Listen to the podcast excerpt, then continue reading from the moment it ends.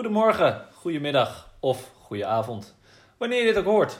Welkom bij Breaking News, het bakkie media, waar iedereen op de hoogte wordt gebracht van het laatste nieuws in marketing en medialand. Mijn naam is Thijs van Dijk en ik doe dit samen met mijn co-host en goede vriend Daniel Kok. Hallo. Daniel, wat vind je van onze nieuwe jingle van als, eh, als we deze zouden gebruiken? Ik vind hem eh, retro, maar dat is volgens mij wel een beetje trendy op dit moment. Ja, nou sowieso. Oké Daniel, ons allereerste bakkie media. Yes. Wat verwacht jij ervan? Ehm, als ik het nu zo moet zeggen, dan zeg ik een, eh, een latte graag. Oké, dus niet echt serieuze koffie. Niet echt serieuze koffie, maar wel heel smaakvol. Oké, maar hebben we het hier dan over media en marketing? Of kunnen we ook gewoon lekker over voetbal ouwehoeren? Zeker gewoon over voetbal hebben. Eh, sterker nog, ik heb eh, nieuws eh, over vertel. voetbal. Ja, nou kijk. Onlangs in het nieuws een recent onderzoek van de Universiteit van Leuven. Ehm, en eh, die hebben onderzoek gedaan, helemaal academisch, wetenschappelijk helemaal onderzocht. En uiteindelijk zijn die tot de conclusie gekomen, rappapa, dat Messi beter is dan Cristiano Ronaldo. Bam. Nou, wat een conclusie. nou, daar heb, daar heb je toch geen computermodel voor nodig? Of Nee, wel? nee, nee, nee. Heb je een punt, heb je een punt. Ehm, maar wat ik hier interessant aan vond, was niet zozeer dat eh, ze een conclusie getrokken hebben die we allemaal wel kunnen trekken, maar de manier waarop ze het hebben gedaan. Eh, want veel modellen, eh, hè, waarin ze dan proberen aan te tonen dat de ene beter is dan de andere, eh, dan komt het neer op assists en doelpunten. Nou, vrij voor de hand liggend, maar zij hebben hem veel breder gepakt. Ze hebben gekeken naar schoten, schoten op goal, acties, passes, dribbles, maar bijvoorbeeld ook verdedigende acties die dan een doelpunt voorkomen. En uiteindelijk komen ze dan tot de conclusie dat je twee typen spelers hebt. Twee categorieën eigenlijk moet ik zeggen. Eentje die veel acties maakt, maar die dan relatief minder waarde hebben. Dan heb ik het bijvoorbeeld over een Pogba of een Kevin De Bruyne. Eh, of een ander type speler die eh, weinig acties maakt, maar dan weer heel veel impact heeft. En dan heb je het meer over Mo Salah of eh, eh, Kane of, of Ronaldo dus. En waar zit Messi dan in dit onderzoek? Ja, nou ja, Messi is zoals zo vaak off the charts. Ehm, hij is dus heel uitzonderlijk. Hij is dus iemand die dus en heel veel acties heeft. En dan vervolgens ook nog acties die ook nog heel hoge waarde hebben. Dus hij is de GOAT. De GOAT, de GOAT, hoe bedoel je? The greatest of all Ah. time, Daniel. Nou ja, eh, de baard is eraf, dus ik weet niet of hij, of hij nu nog de, de GOAT is. Maar... Nou, klopt, ja. Maar goed. Ehm, als we het dan toch over de, de greatest hebben, wie gaat er winnen? Ehm, nou ja, met Frenkie erbij, dan eh, denk ik eh, Barcelona. Nee, Daniel, ik bedoel, niet, ik bedoel niet over voetbal. Ik bedoel de strijd tussen Netflix, Disney, Amazon Prime, Google. Oké, oké, dus dan heb je het over eh, de, wel de Classico, maar de Classico della Video.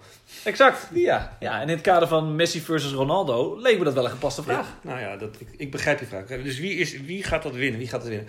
Ehm, weet je, dan, als ik dan Byron Sharp erbij haal, hè, ons allemaal wel bekend. eh, die zegt, hè, als ik kijkend naar de, de keuze van de consumenten... The brand with the biggest market share has the most loyal following. Dus dan volg ik Berry en dan denk ik dat Netflix eh, de prijs eh, gaat pakken hier. Nou, vaak ben ik het met je eens, ook als het omtrent Byron Sharp gaat, maar in dit geval niet. Dan kies ik toch voor Disney. Want voor mij uh, wint Disney het gewoon bij de families en de pubers. En Mm. gekeken naar jouw eerdere verhaal, wil ik dan toch uiteindelijk wel weten wie is de GOAT? Who is the GOAT?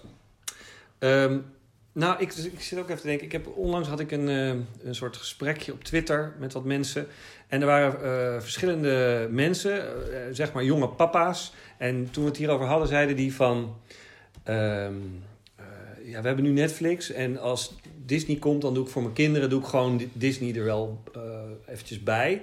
Die snap ik. En tegelijk denk ik dan wel, dan heeft het dus ook wel echt wel met pricing te maken. Dus hè, als, het, eh, als het gewoon betaalbaar is, dan doe je hem erbij. En eh, om een voorbeeld te geven, Amazon Prime, die staat nu in de markt voor zo'n eh, zo'n 5 euro per maand. Dus dan kan ik me voorstellen dat je die er vrij makkelijk bij neemt.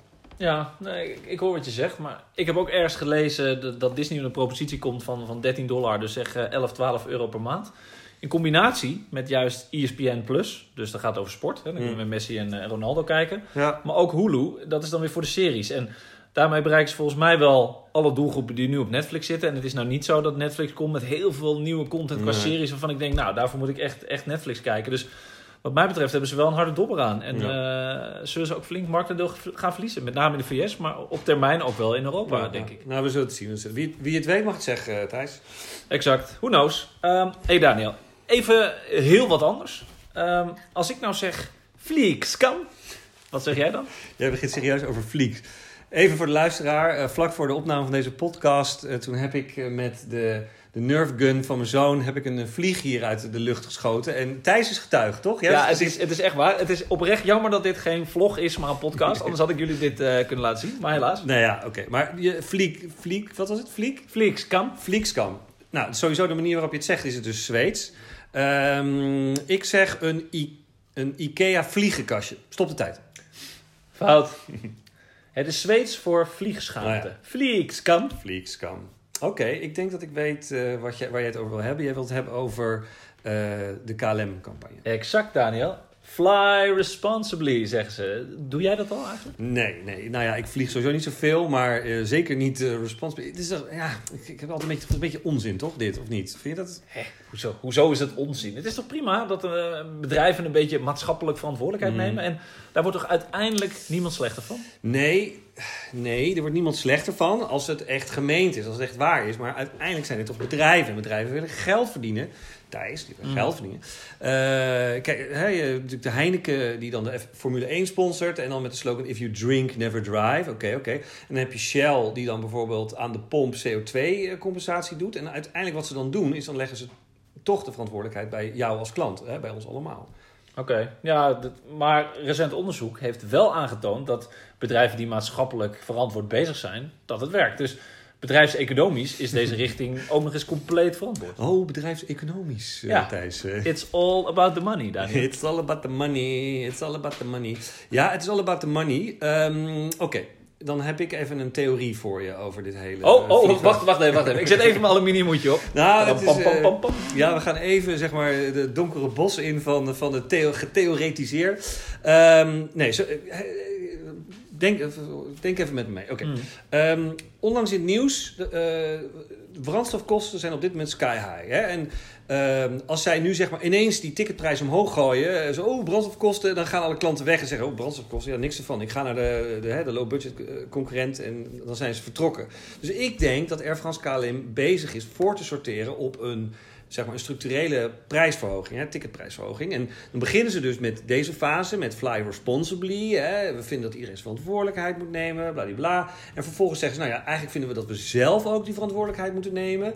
En dan gaan ze dat eh, vervolgens eh, doen door structureel te starten met compenseren. Met andere woorden, uiteindelijk gaat de ticketprijs omhoog. Bam, voor het klimaat, we all got to pay. Wat denk je? Ja, superleuk verhaal. Maar ik geloof er niks van. Oh, nou jammer. Nee. Nee, de kans is wat mij betreft groter dat eh Air France KLM een spoorwagenmaatschappij overneemt dan dat dit gaat gebeuren. maar ik bedoel, vliegende treinen of eh, hoe zie je dat? eh? Nee, nee, weet jij toevallig wat taakskriet betekent? Oké, oké. Nou, eerst hadden we Flixcam en nu hebben we Taakskriet. Nou, het klinkt als Sanskriet. Is dit een soort een nieuwe soort van computer greenwash, greenwash language of zo? Nee, nee, het betekent eigenlijk dat je gaat opscheppen over je treinrit. Jij, je vraagt je af waarom mensen dat doen, maar Nee, het, gebeurt massaal in Zweden. Mensen delen hun treinrit dan op, op social media en eh, ja, het is echt een, eh, echt een mega hit.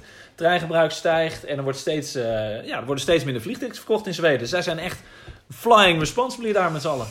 Ja, oké, oké, oké. Nou, laten we het in ieder geval goed in de gaten houden. Ik bedoel, eh, als we dit dan een beetje volgen, deze, deze denktrand, dan is het zo dat er, als er binnenkort een spoorwegmaatschappij door een luchtva- luchtvaartmaatschappij overgenomen wordt, dan weten we 100% zeker dat het puur over de monies gaat, toch? Ja, nou ja, laten we dat inderdaad in de gaten houden. Ehm, maar nu we toch een klein beetje over greenwashing hadden, je, je, je gaf het zelf ook al aan. eh, Ja. Daar hoor je de laatste tijd natuurlijk wel steeds meer over, hè Daniel? Ja, ehm, dat klopt. Maar jij hebt het zelf vrij recent heel uitgebreid gehad over pinkwashing. Toch? Op de, op de radio bij BNR heb je het over pinkwashing gehad. Ja, nee, inderdaad, inderdaad. Maar ja, kijk, eigenlijk is het zo, hè, voor, voor elke week, eh, elk fenomeen is er wel eh colorwashing eh, beschikbaar hoor, wat mij betreft. Oké, dus dan hebben we greenwashing, we hebben pinkwashing. Even dan even voor, niet voor mij, maar voor mijn goede vriend Ed, die kleurenblind is. Kan je het nog even één keer uitleggen hoe het allemaal zit met al die washings, Thijs, alsjeblieft. Tuurlijk. Maar hou je vast, we beginnen met whitewashing, blackwashing en yellowwashing. Je die? Ken ik, ja, volgens mij heeft dat te maken met Hollywood, eh, met de filmindustrie. Inderdaad, Daniel, heel goed, heel goed. Dat is whitewashing en blackwashing. Dat zijn eigenlijk blanke acteurs die gekleurde eh karakters spelen, of andersom. En yellowwashing is hetzelfde, maar dan met Aziatische acteurs. Oké, duidelijk. Dus die, dan hebben we die. En eh, we hebben be- begonnen met eh, greenwashing. Wat, eh, hoe, hoe zit dat? Kan, kan je dat eventjes duiden voor ons? Nou, Greenwashing is eigenlijk heel erg simpel. Dat is als merk doen alsof je heel erg milieuvriendelijk bent. Maar stiekem ben je dat in de praktijk toch niet. Eigenlijk zoals het voorbeeld van KLM, wat we net eh, hebben besproken. Oké, oké. Eh, en dan een ander voorbeeld eh, van H&M. Die hebben dan de duurzame Conscious Collection. Is dat ook een voorbeeld van greenwashing? Ja en nee. De mode-industrie doet namelijk al jaren hun best op het, om de impact op het milieu te verlagen. Om de simpele reden dat de economische voordelen van minder afval, duurzame stoffen en betere supply chain bekend zijn. Weer, weer de monies. Weer de monies uiteraard. Maar kijk, als je dan naar H&M en Primark kijkt... Ja, die zijn ook onlangs eh, negatief in het nieuws gekomen... om de arbeidsomstandigheden in hun fabrieken in, in Bangladesh Mm. en India. Dus wat Ja. mij betreft ligt daar ook een beetje de Achilleshiel eh, van, Ja. van de mode-industrie. Dus de naaiateliers die zijn nog steeds veel te, veel te rendabel. Eh, ja, nou ja, goed. Oké, dan hebben we die gehad. Dus de green. Pinkwashing. Want, nou ja, hoe, hè, hoe zit dat dan? Wat is pinkwashing? Nou, pinkwashing, eh, ook wel rainwashing, eh, rainbowwashing genoemd... is eigenlijk een soort support eh, van een bedrijf aan de LHBT-community. maar dan ja, liefst één dag per jaar. Dus rondom de Gay Pride. En de rest van het jaar doen ze lekker wat ze willen... en besteden ze eigenlijk heel weinig aandacht aan. Mm, dus bij iedereen wordt één keer per jaar de was roze, zeg maar. Ja. Ehm, en wat voor voorbeelden kun je daar eh, voor noemen? Nou ja, recent dit jaar eh, ging het met name om, om H&M of een Tommy Hilfiger, een, Diesel eh, en een Calvin Klein. Maar ook Ernst de Jong, eh, die ging heel erg eh prat op het feit dat ze een boot hadden waarin ze heel inclusief bezig waren met, met hun medewerkers. En een van de grootste was Hema, die een, een t-shirt uitbracht samen met, met Victor en Rolf. Maar ja, de vraag is dan uiteindelijk, wat draagt ze dan bij aan de rechten van de community? Mm. Oké, en dit triggert me ook wel weer een beetje, want dan hebben we greenwashing, pinkwashing. Je hebt ook zoiets als femwashing. Dat is dan niet echt een kleur, maar ehm, kun je daar wat over? Wat is, wat is femwashing? Ja, dat, dat is ook zoiets, dat, dat is ook heel hip. Het gaat natuurlijk over de, de vrouwenrechten of de rechten van de vrouw in een, in een organisatie. Waarbij merken of bedrijven heel stoer ondersteunen eh, dat ze de vrouwenrechten supporten. Eh, terwijl dan eigenlijk de hele directie en de raad van commissarissen volledig uit mannen bestaat. Een beetje zoals met Talpa of eh, TMG bijvoorbeeld. Mm. Nou ja, en als ik denk aan femwashing, moet ik ook eigenlijk denken aan eh, Mattel. Met, met ja, bekendste product misschien wel Barbie. Die hebben echt tientallen jaren achter elkaar hebben die een anatomisch volstrekt incorrect, niet bestaande pop gemaakt. Graadmagere pop. En nu zijn ze omgeturnd en beginnen ze met een campagne om een positief zelfbeeld bij jonge dames te stimuleren. Ja, ja daar, daar heb je zeker een punt. Kijk, maar dat is ook het lastige hieraan. Want sommige van die bedrijven die, die zien er wel in dat ze fout bezig zijn. Gooien dan hun foute beleid om en proberen er dan een positieve draai aan te geven. Nou ja, op zich Op zich moet je dat, eh, dat steunen. Hey, en eh, hebben we het dan eigenlijk een beetje gehad? Eh, zijn er nog meer kleuren in deze waaier?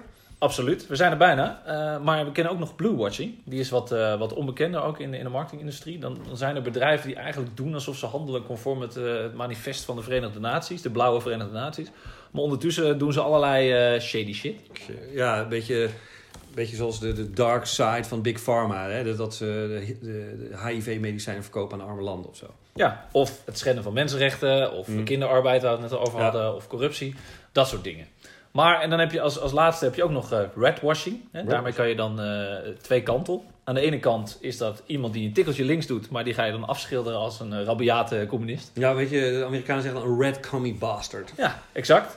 Maar het kan dan ook gaan om bedrijven of organisaties die zeggen dat ze de Red Indians, de Indianen, steunen. Zo heb je bijvoorbeeld ook groeperingen in Canada die de Indians, oh, excuus, Native Americans Oh ja. eh, gebruiken als excuus voor hun strijd.